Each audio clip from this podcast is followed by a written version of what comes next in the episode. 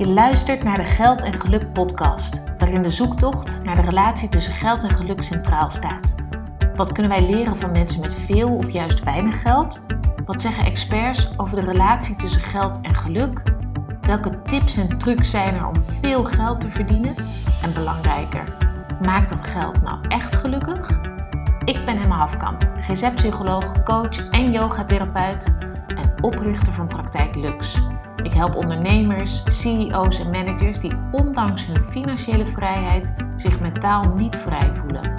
Worstelingen met eenzaamheid aan de top, een gevoel van leegte, moeite met de balans tussen werk en privé of een gebrek aan zingeving kunnen het leven zwaar laten voelen. Dat kan anders.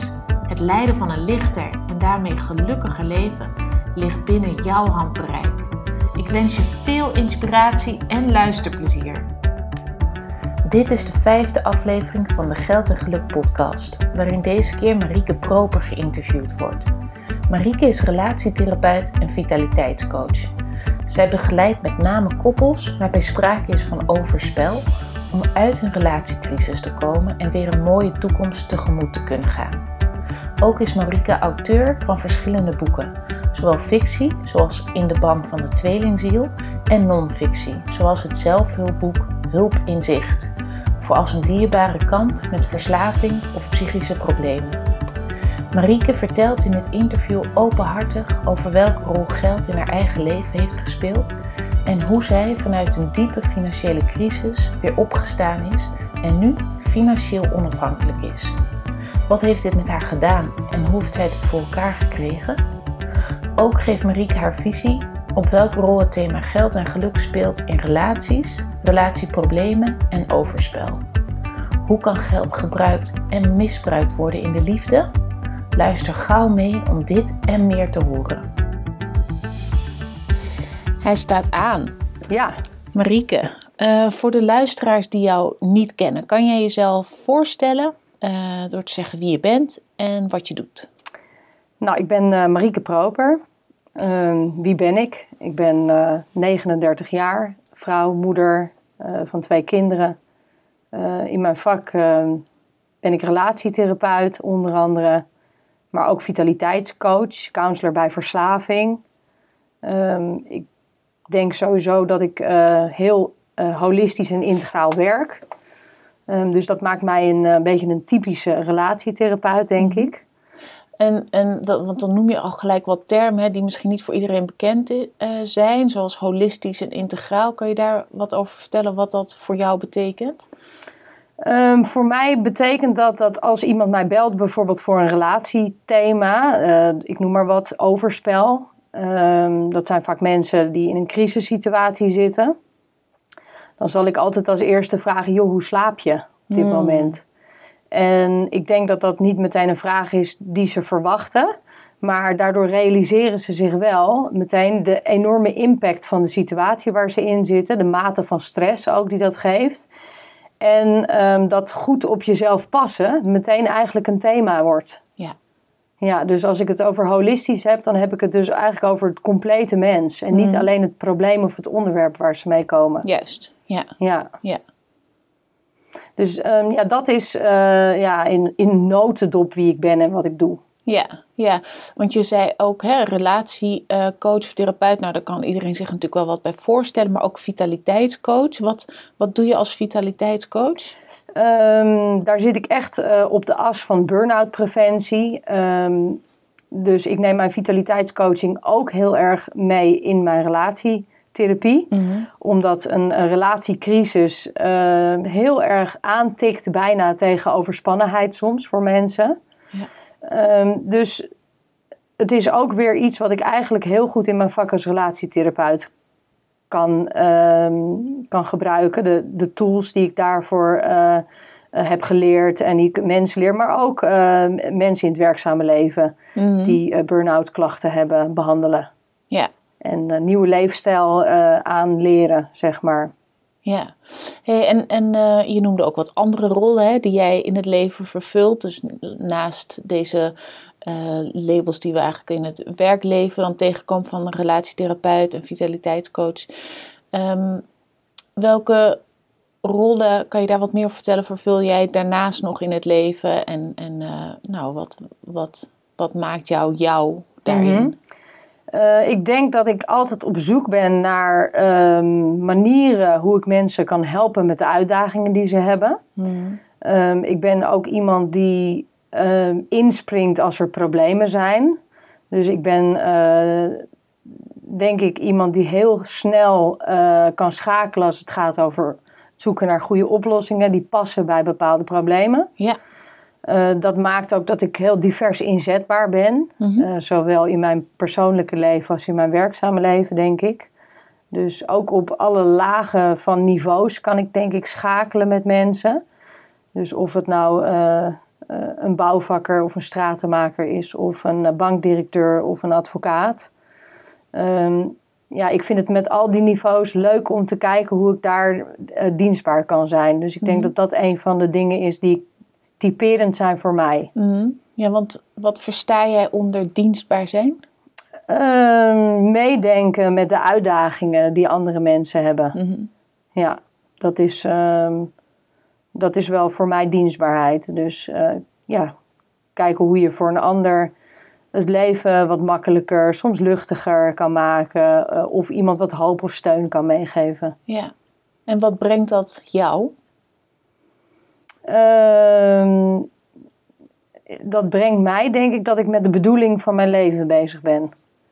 Dus daardoor um, ja, is mijn leven zeg maar vol en uh, uh, zit ik op de juiste uh, energiefrequentie voor mezelf. Dat hoor ik ook te doen. Ik ben mm -hmm. dan bezig met wat de bedoeling is voor mij. Mm -hmm. Ja, want energiefrequentie noem je. En, en, en, en volgens mij praat je erg over intuïtie of in ieder geval gevoel. Maar zou je daar wat meer over kunnen vertellen wat jij daarmee bedoelt en hoe je dat dan eigenlijk aanvoelt? Ik denk dat uh, mensen sowieso uh, mij gemakkelijk hun uh, uitdagingen en problemen toevertrouwen. Dat dat al scheelt. Um, ik ben ook iemand die wel vrij snel bepaalde persoonlijke vragen stelt, waardoor je natuurlijk in, uh, uh, ja, in iemand zijn wereld komt. Mm. En um, ja, als je het dan hebt over intuïtief uh, dienstbaar zijn of iemand helpen, dan um, denk ik dat ik door te luisteren vrij snel ja, ook op de goede as kan komen te zitten. Dus ik sta niet vooraan met mijn woordje, maar als ik dan even goed heb geluisterd, dan komt er uiteindelijk wel iets uit waar iemand ook echt iets aan heeft. Mm -hmm. Ja. Dus um, ik weet niet of je op zoek bent naar voorbeelden. Maar um, ja, ik denk dat het gewoon iets is wat bij mij hoort. Is dat dan ook iets waarvan je denkt, nou daar ben ik mee geboren? Of heb je dat jezelf aangeleerd of getraind? Nou, een van jouw vragen waar ik natuurlijk even op heb voorbereid is... Um, die ging over uh, impactvolle gebeurtenissen. Mm -hmm. Ik denk sowieso dat mijn uh, hele jeugd best impactvol is geweest. Ik kom uit een bijzonder gezin. Uh, zeker als het jouw podcast gaat over geld en geluk. ik kom uit een gezin waar ehm, nou ja, wel financiële voorspoed was, maar geluk ehm, op momenten zeker aanwezig was, maar ook heel veel diepe emoties waren. Mm -hmm. En heel veel crisis ook. Hè? Uh, familiecrisis, drama's. En mm -hmm. Dus ik denk dat ik wel als kind al heel vroeg heb geleerd om niet te snel uh, te antwoorden, maar om te luisteren en om te kijken naar ja, waar kan ik dienstbaar zijn, waar kan ik helpen en uh, ja. uh, hoe kan ik de situatie waar ik zelf in zit of waar mijn omgeving in zit verbeteren. Mm -hmm. Ja, dus dat er misschien wel ook iets aangeboren in zit, maar dat het in ieder geval ook enorm geactiveerd en versterkt is uh, tijdens je jeugd. Ja, en uh, ik denk ook dat wij wel onze talenten uh, deels ook meekrijgen in ons DNA van onze ouders. Ja. En dat is ook vaak wat ik zie bij klanten, cliënten. Mm -hmm. Dat ze ja, veel toch meekrijgen, patronen meekrijgen van hun ouders en zo uh, zie ik ook wel overeenkomsten hoor. Tussen uh, wie ik ben en wie mijn ouders zijn. Ja. Een mix daarvan. Ja, ja en, en zou je uh, wat willen of kunnen vertellen over inderdaad dan één of twee cruciale momenten in jouw levensloop die hebben gemaakt dat jij nu staat waar je staat? Um, wij hebben, eh, ik heb mijn man on- eh, ontmoet ehm, al, ehm, nou was ik een jonge ehm, twintiger, denk ik. Mhm. Misschien eind, eh, eind eh, 19 jaar of zo. Toen hebben wij nog geen relatie gekregen. We hebben een relatie gekregen toen ik 25 was. En eh, wij kregen eigenlijk heel snel met hele grote financiële uitdagingen te maken. Ehm, dat was het begin van de bankencrisis. Ja. En ehm, ja, mijn man had een, eh, een, een winkel in Leiden. Een, Best een eh, winkel met een hele hoge huur, ho- hoge inkoopkosten. en ja, die crisis kwam, die studenten kochten geen eh, spullen meer bij hem. En je zag heel snel die omzetten naar beneden gaan. En eigenlijk kwamen wij binnen een goede drie kwart jaar echt voor hele grote financiële uitdagingen te staan. Mhm.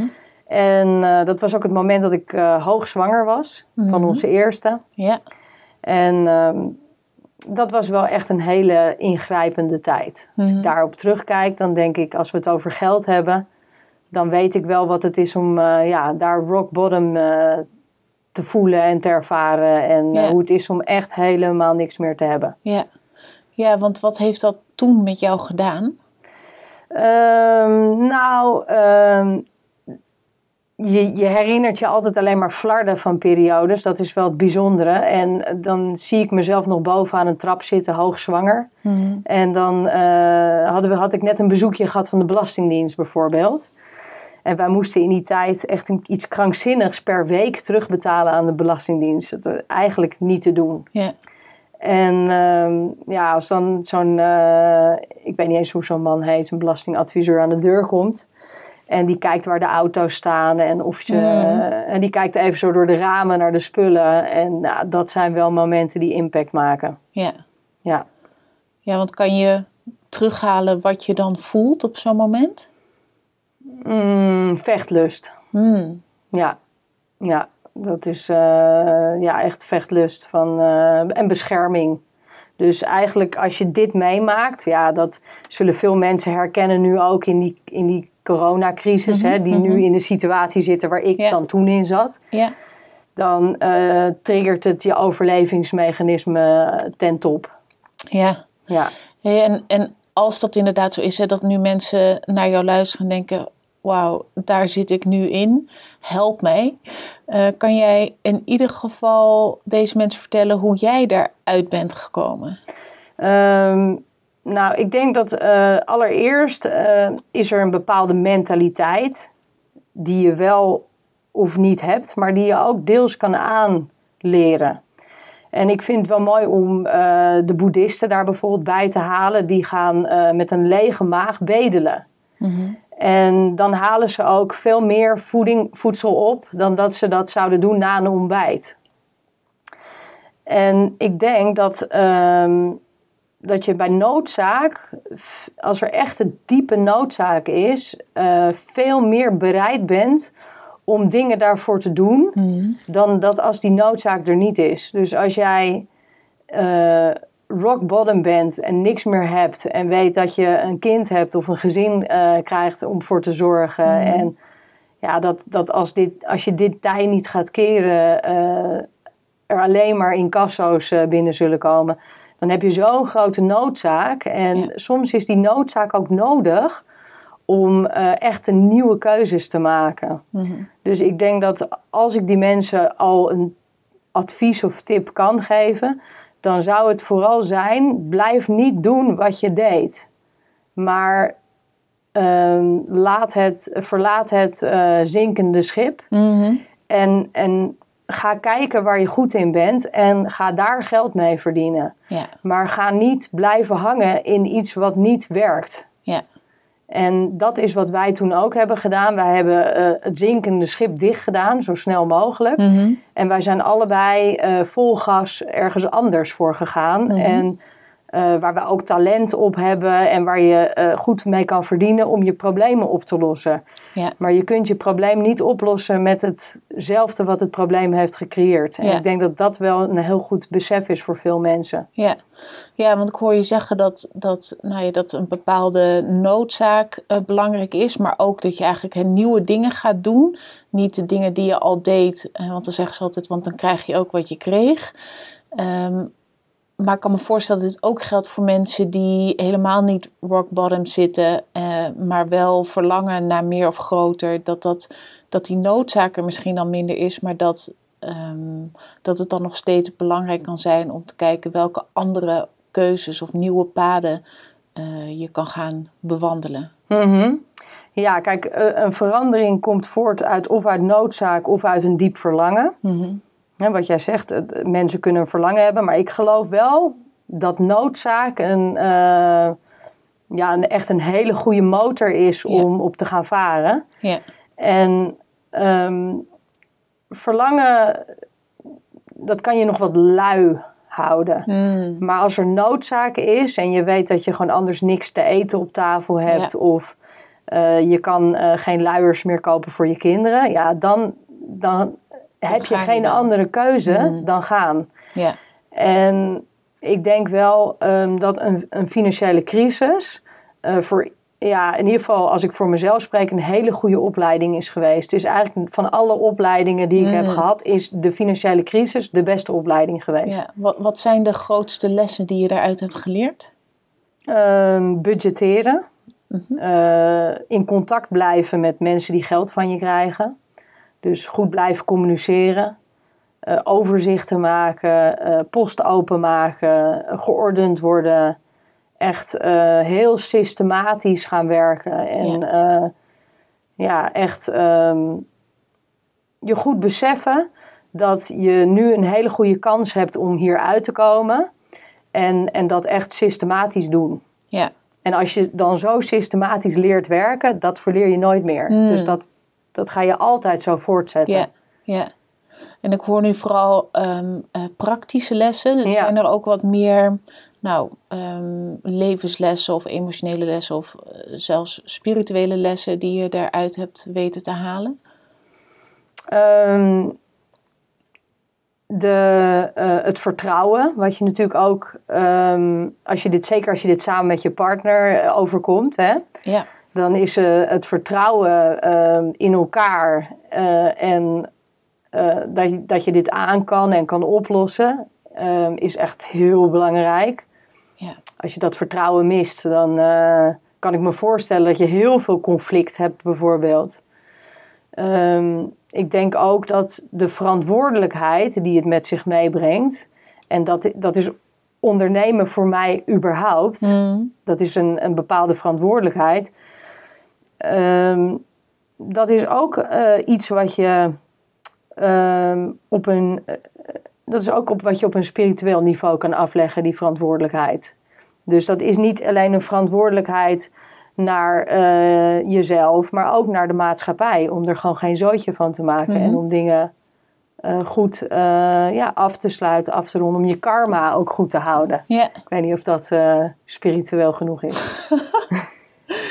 Het klinkt wel heel mooi in ieder geval. Ja, Ja, hey, en, en ehm, eh, jullie zijn dus allebei ehm, hard gaan werken in een ander gebied waar jullie goed in waren en waarvan je ook dacht, nou daar kan ik geld in verdienen. Hoe is dat voor jou verder verlopen? ja ik denk dat, dat ehm, hard werken eh, en op een ander gebied is misschien nog niet eens genoeg. Ehm, dan eh, hebben wij de, het geluk gehad dat wij op dat moment, als je niks meer te verliezen hebt en alleen maar te winnen hebt, dan kun je natuurlijk en hard gaan werken en ehm, ehm, ja, gas geven. Maar je kan er ook nog eens voor kiezen om iets te gaan doen waar je denk, waarvan je denkt dat je er ook nog eens eh, heel gelukkig van wordt of goed in bent. En ehm, ik denk dat wij die afslag allebei hebben kunnen nemen. Dus wij zijn allebei met onze passie gaan werken. Ja, En dat eh, is denk ik wel een hele bijzondere keuze geweest. Waar andere mensen denk ik heel erg snel geneigd zouden zijn om te kiezen voor zekerheid. ja, En voor misschien een vast inkomen. En eh, zijn we allebei blijven ondernemen. Mhm. Maar veel meer nog op de as van eh, passie en talent, denk ik. Ja. Ja, want ik hoorde je zeggen waar je heel erg goed in bent of wat je heel erg leuk vindt. En dan is natuurlijk eigenlijk de gouden combinatie als dat en-en is van je, je passie en waar je goed in bent. Ja. Hoe is dat voor jou uitgepakt? Ehm, nou, ik denk dat je er sowieso. eh, nou ja, dat je ontzettend blij mag zijn als je er al achter komt in je leven wat je passie is, überhaupt, of wat je bedoeling is. Ja, Ehm, ik denk dat ook dat durven te gaan leven, dat dat altijd om risico nemen vraagt. Want ehm, ja, je, je loopt tegen allerlei eh, nieuwe uitdagingen aan. Je moet jezelf misschien nieuwe skills aanleren. Ehm, je omgeving gaat er iets van vinden.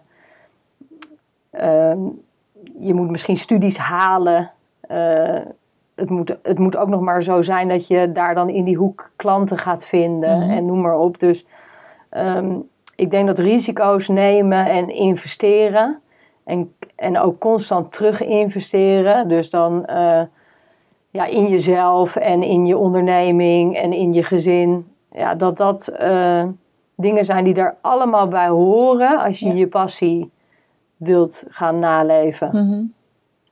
Ja, dat, dat gaat niet dan ineens zomaar van een leien dakje. nee, nee. Nee. Het blijft vallen en weer opstaan. Eh, ja, en, en moed hebben en bewust die risico's durven aangaan. En ehm, elkaar daar ook op vertrouwen, als je het dan hebt over je relatie. Elkaar daarop eh, echt durven te vertrouwen ook, dat, dat de Ja. ander risico's neemt waarvan je denkt dat die goed uit gaan pakken. Ja, ja, Zeker als die eerder niet goed zijn uitgepakt. ja precies. Ja, Ja, dus, ehm, dus het vraagt veel eh, van een mens om vertrouwen te hebben in zichzelf en de ander. Maar als je dat echt lukt, dan is dat wel echt de moeite waard. Mm, Is dat iets ehm, waar je actief iets in kan doen om dat vertrouwen te krijgen of te vergroten?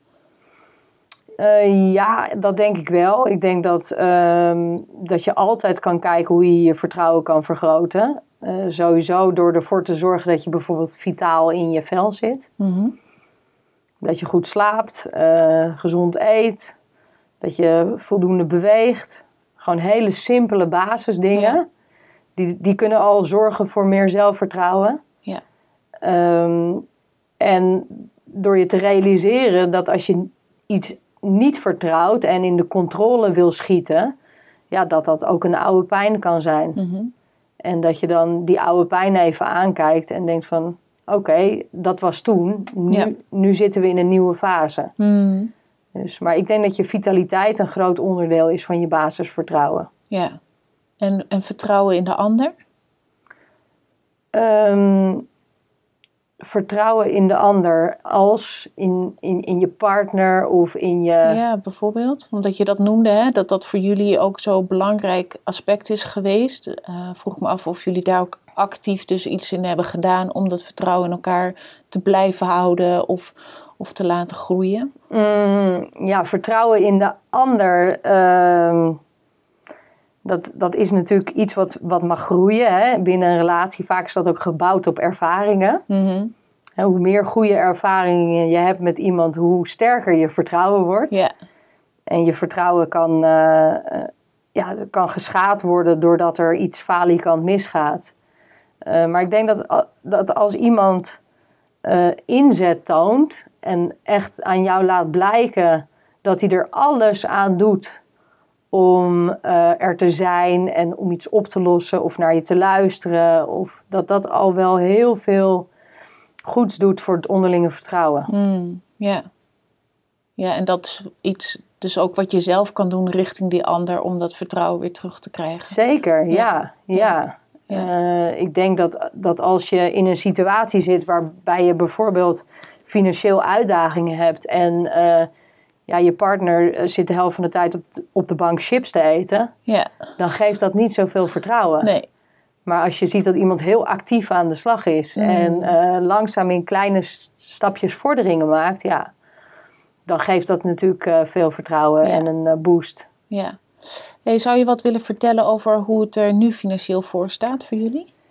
Uh, ja, wij hebben eigenlijk, uh, we zijn van ver, echt ver gekomen. Dat is uh, zover is uh, duidelijk. Ehm, wij zijn er inmiddels van overtuigd dat het belangrijk is om meerdere inkomstenstromen te hebben. Mm -hmm. En die zijn er ook. Ehm, dus ik, Kijk, ongeacht, wij denken vaak als mensen, als we rijk uh, willen zijn of we willen veel geld hebben, dat we ook heel veel geld nodig hebben. Ja. Maar je komt er eigenlijk achter dat je bijvoorbeeld, uh, ik noem maar wat, aan 5000 euro in de maand, kan je al aardig van rondkomen. Mm. En daar kan je best luxe van leven. In Nederland heb je natuurlijk best al wat meer nodig aan basisinkomen om een beetje luxe te leven. Maar uh, we hoeven niet uh, tonnen te hebben om uh, ons rijk te voelen of luxe te kunnen leven. Um, wat daar wel, denk ik, een, een, belangrijke basis voor is, is meerdere bronnen van inkomsten. En dat hebben wij wel gerealiseerd. Mm -hmm. Want er zijn altijd periodes dat de ene bron van inkomsten ja, even wat lager staat, ja. even niet loopt. Uh, misschien zit er flow, is de flow eruit, noem maar op. En mm -hmm. dan kan je vertrouwen op een andere bron van inkomsten. En ik denk dat dat heel belangrijk is. Ja. Dat je uh, in ieder geval, stel je bent een eenpitter en je leeft, uh, je leeft zonder relatie, dat je minimaal twee stromen van inkomen hebt. Ja, ja en, en kan je dat wat concreet maken of een voorbeeld noemen van, van die verschillende bronnen? Um, voor mijzelf is dat, ik heb sowieso een internetbedrijf. Mm -hmm. Naast dat ik mijn uh, praktijk heb. Um, dus ik doe heel veel online ook. Heel veel online verkopen. Uh, online programma's verkopen. Online video's verkopen. Ik verkoop mm -hmm. heel veel boeken. Ik heb 10.000 boeken verkocht. Um, ja, ik doe zeg maar, ik zorg er altijd voor dat als mijn praktijk even wat rustiger is. Of ik ben in het buitenland. Of de kinderen hebben ineens zes weken vakantie uh, of er is een coronacrisis en mm -hmm. je zit met z'n allen thuis, dat je kan vertrouwen op je andere bron van inkomsten. Ja. En dat is online dan. Ja. En ik vind het nog steeds super leuk om mensen te zien. Laten we dat voorop stellen. Ik haal veel meer voldoening uh, eruit als ik een, uh, een klant gewoon in de praktijk ontvang. Maar aan de andere kant is het ook heel goed mogelijk om mensen online te helpen. En ik ja. denk dat het dat het een het ander niet hoeft uit te sluiten en zeker kan aanvullen in verschillende fases van het jaar. Ja, ja. Um, en zo, zo geldt het voor mijn man ook. Die, uh, die zit in de handel en in de uh, restauratie van dingen. En ja, de meerdere bronnen van inkomsten is echt key. Ja, ja mooi. Hey, en en um, je hebt dus eigenlijk echt wel verschillende fases in je leven gehad waarin je verschillende kanten van uh, geld hebt gezien, de schaarste ervan. Uh, in je jeugd vertelde je van nou, ons gezin, daar, daar was niet schaarste, daar, was het financieel gezien uh, aardig oké. Nu zit je er goed bij. Kan je patronen herkennen in de aanwezigheid van geld en jouw gevoel van geluk? Um, geld, uh, geld brengt niet, voor mij niet per se geluk. Ik ben uh, in de tijden dat wij uh, geen geld hadden, ben ik ook gelukkig geweest. Hè. Mm -hmm. Het is een van de mooiste tijden. mijn kinderen, mijn kind werd geboren. Zeker de, ik denk dat ze trouwens allebei nog wel redelijk in de crisis zijn geboren. Mm. dus, dus geld brengt niet per se geluk, maar geen geld hebben brengt je wel in de overleefstand. Ja. Um, geld hebben brengt keuze, brengt luxe, uh, brengt een bepaalde mate van vrijheid. Mm -hmm. uh, het geeft je ook keuzemogelijkheid in, uh, wil je bepaalde projecten wel aangaan, wil je die niet aangaan, waar ga ik mijn tijd in investeren. Als je echt geen geld hebt, dan heb je geen keuze daarin. Dan, dan heb je misschien keuze wat je gaat doen, maar als je dat eenmaal aan het doen bent, dan moet je ook op die trein uh, gaan zitten ja. en, en knallen. En als je uh, op een gegeven moment financieel onafhankelijker wordt, dan heb je uh, een mate van keuzevrijheid. En ik denk dat dat wel, als je dat doortrekt, geluk kan brengen. Hmm. Ja. ja. En je zegt heel mooi, hè, van toen, toen jullie geen geld hadden, of in ieder geval heel weinig, toen heb je ook hele mooie en gelukkige tijden gekend. Hoe lukte dat jou om dat gevoel van geluk te ervaren terwijl ook de financiële crisis gaande was? Ehm, voor mij zit geluk heel erg in de relaties die ik heb. Mhm. Eh, de relaties eh, met mij, nou sowieso met mijn man, eh, maar ook met vrienden, ehm, met mijn familie. Ik vind dat dat vele malen belangrijker dan geld. Dat die relaties ja, warm zijn, dat je er voor elkaar bent. eh, dat als de ander je nodig heeft, dat jij er voor die persoon bent, Mhm. andersom. Eh, die zit hem ook heel erg in eh, dingen gezellig samen doen en eh, sociale activiteiten, lekker eten met z'n allen, koken. Ja. En ehm, ja, dus daar zit voor mij ja, wel veel geluk. Ja. Samen sporten, ik noem maar wat. Ja. Ja, en, en, nou noem je het belang van relaties voor jou. En je bent natuurlijk relatietherapeut. Je ziet ook heel veel relatiecrisis en problemen. Ehm, wat is jouw visie op de rol van geld en geluk in de koppels die bij jou aankloppen voor hulp? Ehm, nou, de koppels die bij mij aankloppen, ehm, die hebben in de regel, eh, die zullen ook financiële eh, lastigere tijden hebben gehad, maar die zitten meestal niet eh, in de financiële crisis als ze bij mij komen. Mhm.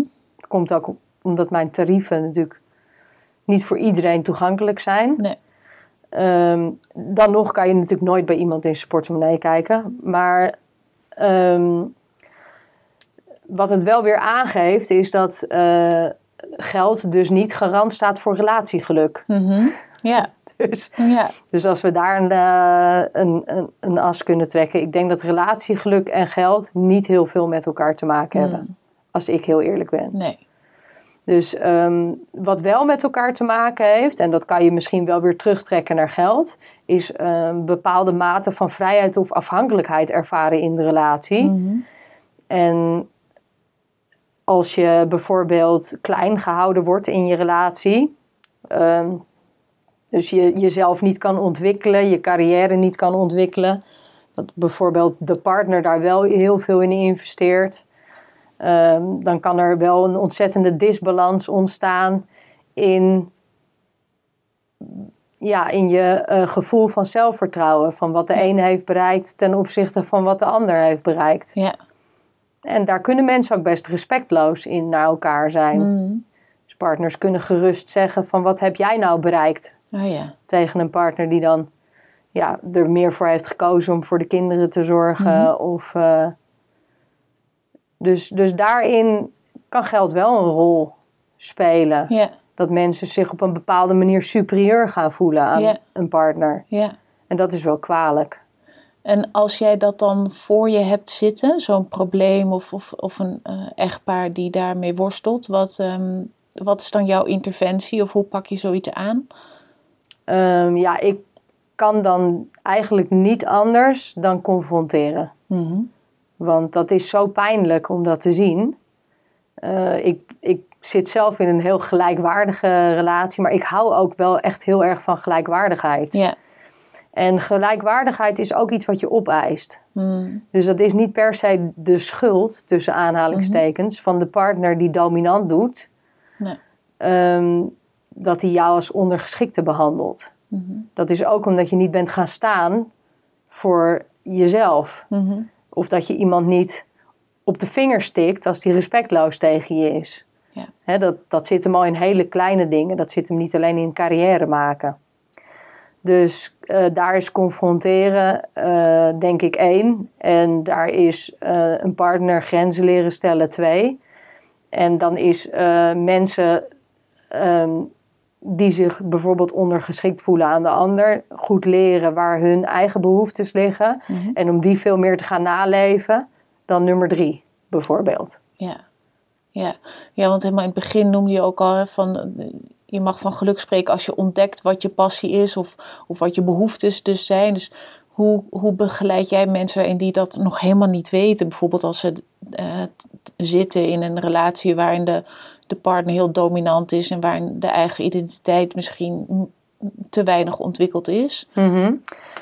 Ehm, ik begin wel altijd met een assertiviteitstraining. Mhm. Ja, om eh, deze mensen die hier last van hebben, die hebben ook gewoon die hebben te weinig communicatievaardigheden.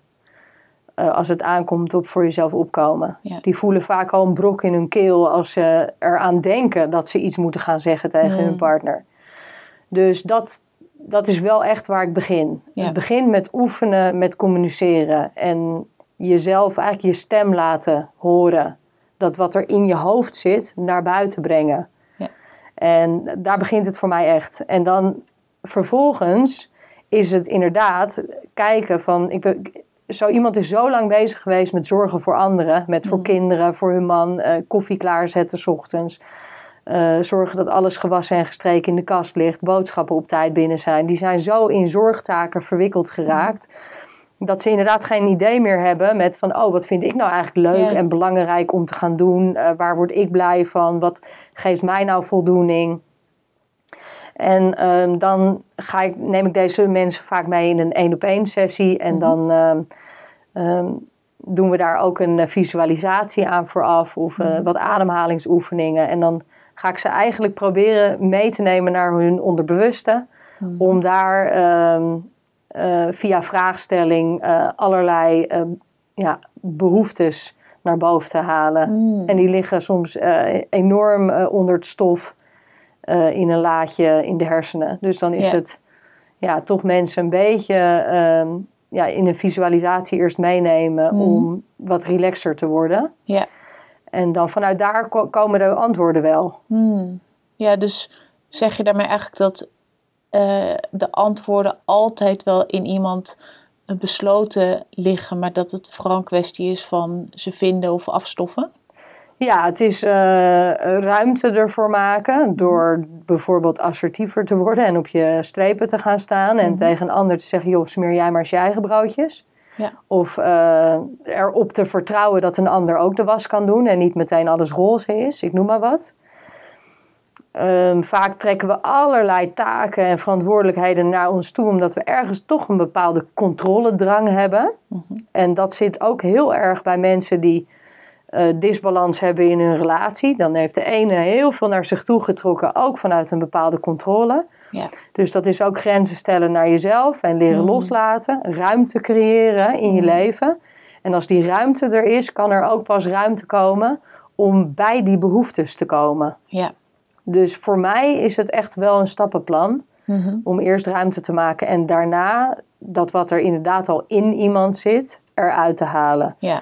En als je het te vroeg eruit haalt, dan raakt iemand in paniek. Want die denkt, oh, nou moet ik dit ook nog gaan doen. Juist. Ja. En dat, daar is geen ruimte voor dan. Nee, dan wordt de lijst te lang. Ja, Ja. Ja. ja. ja. Hey, en binnen de relatietherapie is overspel jouw specialisatie. ja. Hoe ben je daartoe gekomen? Ehm, overspel heeft mij altijd enorm geboeid. Ehm, ik heb er ook in alle vormen mee te maken gehad. Eh, zowel privé, maar zakelijk inmiddels eh, honderden koppels bij mij gehad. Eh, nou ja, duizenden boeken verkocht op het gebied van overspel. Ehm, dus alle situaties rondom overspel heb ik wel zo'n beetje aan de zijlijn doorgeleefd. Ehm, en het heeft me altijd heel, enorm eh, geïnteresseerd, omdat het iets mystieks heeft. Mhm. Ehm, maar het heeft ook een, eh, een avontuurlijke kant. En het heeft ook een hele traumatische kant. Ja. Vanwege het enorme leed wat er aangedaan wordt. Dus het heeft zoveel facetten in zich, eigenlijk die ik wel interessant vind om me mee bezig te houden. Ehm, en het uiteindelijke ehm, doel ervan voor mij is om mensen toch terug te brengen in balans. Ja, want als ik aan overspel denk en dat link aan geluk, dan kan het eigenlijk beide kanten in, in extreem uitgaan. Van als je bezig bent met een affaire of, of hoe je het maar noemen wil, dat dat een extreem gevoel van geluk kan geven, omdat het iets heel ja, spannends is en waar adrenaline bij komt kijken. En de, en de andere kant van als je bedrogen wordt, dat het ook een extreme vorm van pijn en gebrek aan geluk kan geven. Ehm, hoe krijg je die balans weer terug of hoe zie jij die balans? Ehm, Nou, het, het is nog complexer, want je hebt ook nog eens met twee of meerdere personen te maken. Ja. Dus het is eh, de situatie die je nu schetst, nou, die is heel erg, die gaat ook nog eens heel erg uit van het individu. Mhm. Hè, wat het individu allemaal ervaart. Ja.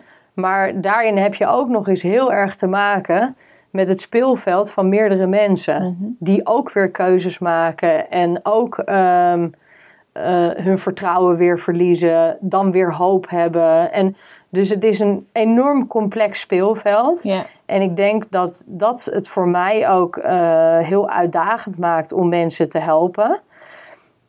En nog even terug naar je vraag.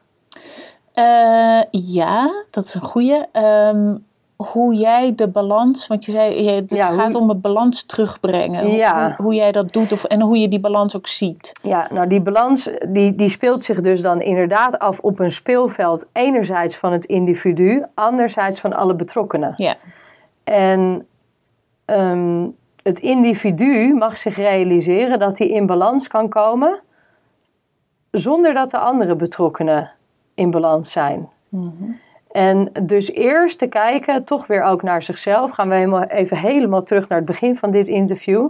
En dan gaat het echt over een stukje vitaliteit. ja, Dus om te kijken hoe slaap ik, hoe eet ik, eh, hoe functioneer ik eigenlijk nog, kan ik me nog concentreren op mijn werk. Ehm, dus in eerste instantie gaat het echt om de balans herstellen van het individu. ja, Ehm, en, en voor sommige mensen eh, betekent dat dat ze ook heel veel emotionele steun nodig hebben, heel veel van zich af willen praten. En voor andere mensen betekent het eh, heel veel ademhalingsoefeningen gaan doen en ontspannen en in bad gaan liggen en wandelen en lezen en weer langzaam weer in het hier en nu komen. ja, Eh, en dan, dan pas ontstaat er ruimte om op het speelveld van de relatie weer stappen te zetten. Om de balans daar te herstellen. ja, En om te kijken of daar het vertrouwen terug kan komen en de communicatie. En ook het zicht op de toekomst. Willen we samen verder? Zo ja, wat mag er dan veranderen? Ja. Eh, welke dingen hebben we eigenlijk over het hoofd gezien de afgelopen jaren? Nou zo, dus dat Ja. is ook wel echt een stappenplan. ja. En zie jij ook wel eens ehm, dat geld een rol speelt in ofwel overspel of, of relatieproblemen? Nou, geld speelt sowieso altijd een relatie, eh, een, een relatie eh, in scheidingen. Mhm, Eh, er komen heel veel mensen bij mij die gaan scheiden. mhm, Ehm, ik heb ontelbare koppels ook begeleid bij scheidingen. En dan speelt geld altijd een rol. Dan hebben we het al heel snel over mediators die aangesloten worden. Dan hebben we het al heel snel over een hypotheekadviseur. Dan hebben we het al heel snel over angsten eh, met betrekking tot geld. Kan ik hier blijven wonen? Zit ik straks drie hoog, twee achter? Kan ik nog voor mijn kinderen zorgen?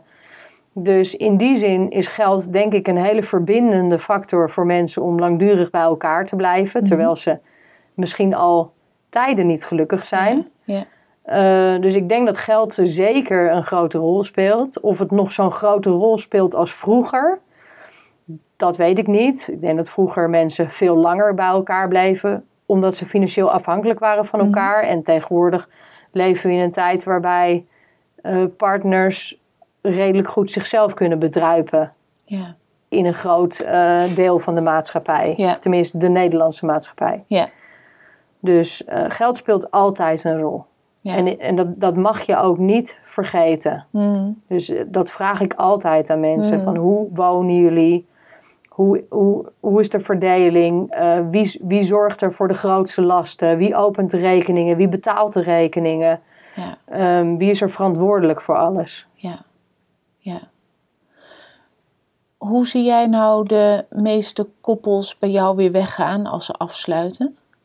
Mm, ik, ik, ik weet niet of er een, eh een 80-20 regel is hier hoor. Probeer ik even te bedenken. Want ik zeg ook hoe koppels weggaan, maar misschien gaan ze natuurlijk niet meer als koppels weg. Ze gaan sowieso regelmatig niet als koppel weg. Eh, mensen komen vaak veel te laat in contact met een relatietherapeut. Die nemen echt pas contact op als er een hele grote mate van crisis aanwezig is. Ja. Dus je kunt denk ik wel stellen dat eh, nou, zo'n 50% ongeveer uit elkaar gaat en 50% samen verder gaat. Mhm. Ehm, dus ik wil er in ieder geval altijd voor zorgen dat als mensen weggaan en de therapie stopt bij mij, dat ze een bepaalde mate van zelfvertrouwen terug hebben. Ja. Dat is voor mij, eh, dan is het voor mij geslaagd. Mhm. Of ze nou wel of niet bij elkaar blijven. Eh, soms vind ik het ook wel heel belangrijk dat mensen bij elkaar blijven. Als mensen kinderen hebben van 1 en 3 en eh, er is overspel en eh, een van de twee is hormonaal compleet uit balans geraakt. En dan, dan vind ik het echt verschrikkelijk eigenlijk als het niet lukt om zo iemand bij zijn positieve te trekken. En, want overspel is een verslaving. Mhm. En, en soms verliest ja, hier echt het ratio, verliest echt van de verslaving. Want hoe, hoe, hoe zie jij dat? Dat overspel een verslaving is? Ja, eh, nou, overspel kent eh, eh, dusdanig veel facetten van een verslaving dat je Mhm. echt kan spreken van een verslaving. Mhm. En ehm, nou, wat maakt dat bijvoorbeeld een verslaving? De, de drang om de ander te zien is zo verschrikkelijk groot dat je het bijna Mhm. kunt vergelijken met een cocaïneverslaving. Ehm, het maakt ook allerlei stofjes natuurlijk in je hersenen aan. Eh, je maakt allerlei hormonen aan. En als jij eenmaal in die rollercoaster van hormonen zit, is het heel lastig om die roze bril af te zetten en eh, om weer terug op aarde te komen. Dus ehm, nou ja, nog iets anders wat het kenmerkt met een verslaving is dat het in jouw omgeving heel destructief werkt. Mhm. Ehm, dat mensen ook ja, weinig empathisch meer lijken. Ja. Dat eh, vind ik ook wel echt een overeenkomst met een verslaving. Eh, mensen nemen enorme risico's. Eh, ja, dat, dat nemen mensen ook die verslaafd zijn. En die zijn ook bereid om bijna alles te verliezen als ze hun verslaving maar kunnen houden. Ja. En dat zijn allemaal dingen die je terugziet in overspelsituaties. Ja, ja. Hey, je vertelt hè, dat je, ehm, eh, nou, en, eh, daar hebben we het over gehad, dat je relatietherapeut en vitaliteitscoach bent. Je hebt online ehm, cursussen die je verkoopt, video's, boeken geschreven. Ehm, een blik op de toekomst. Heb je dromen? Als ik kijk naar de eh, nabije toekomst, dan wil ik heel graag een derde roman afschrijven. Die is eigenlijk al klaar. Eh, maar ja, er zit eh, zoveel eh, emotie in. Een boek schrijven is sowieso een heel verwerkingsproces. Die schrijf je echt voor jezelf. De lezer denkt dat je hem voor hun schrijft, maar het boek schrijf je echt voor jezelf. Het is echt een eh, proces. Dus ik hoop die af te schrijven. Er is een uitgever die me heeft benaderd die heel graag wil dat ik een boek ga schrijven. Een zelfhulpboek Mhm. Voor relaties en ehm, met overspel ook, denk ik, eh, Ja. als thema. Ja. Dus dat zal, ehm, denk ik, voor 2022 eh, op de, ja, ergens op de plank gaan liggen. Ja. Ehm, verder eh, samen bouwen aan Mind and Health, waar ik heel nauw aan betrokken ben. Wat is Mind and Health voor de luisteraars? Uh, Mind and? Health is echt een eh, vitaliteitsorganisatie waarbij we eh, vooral heel veel mensen begeleiden die tegen burn-out klachten aanlopen.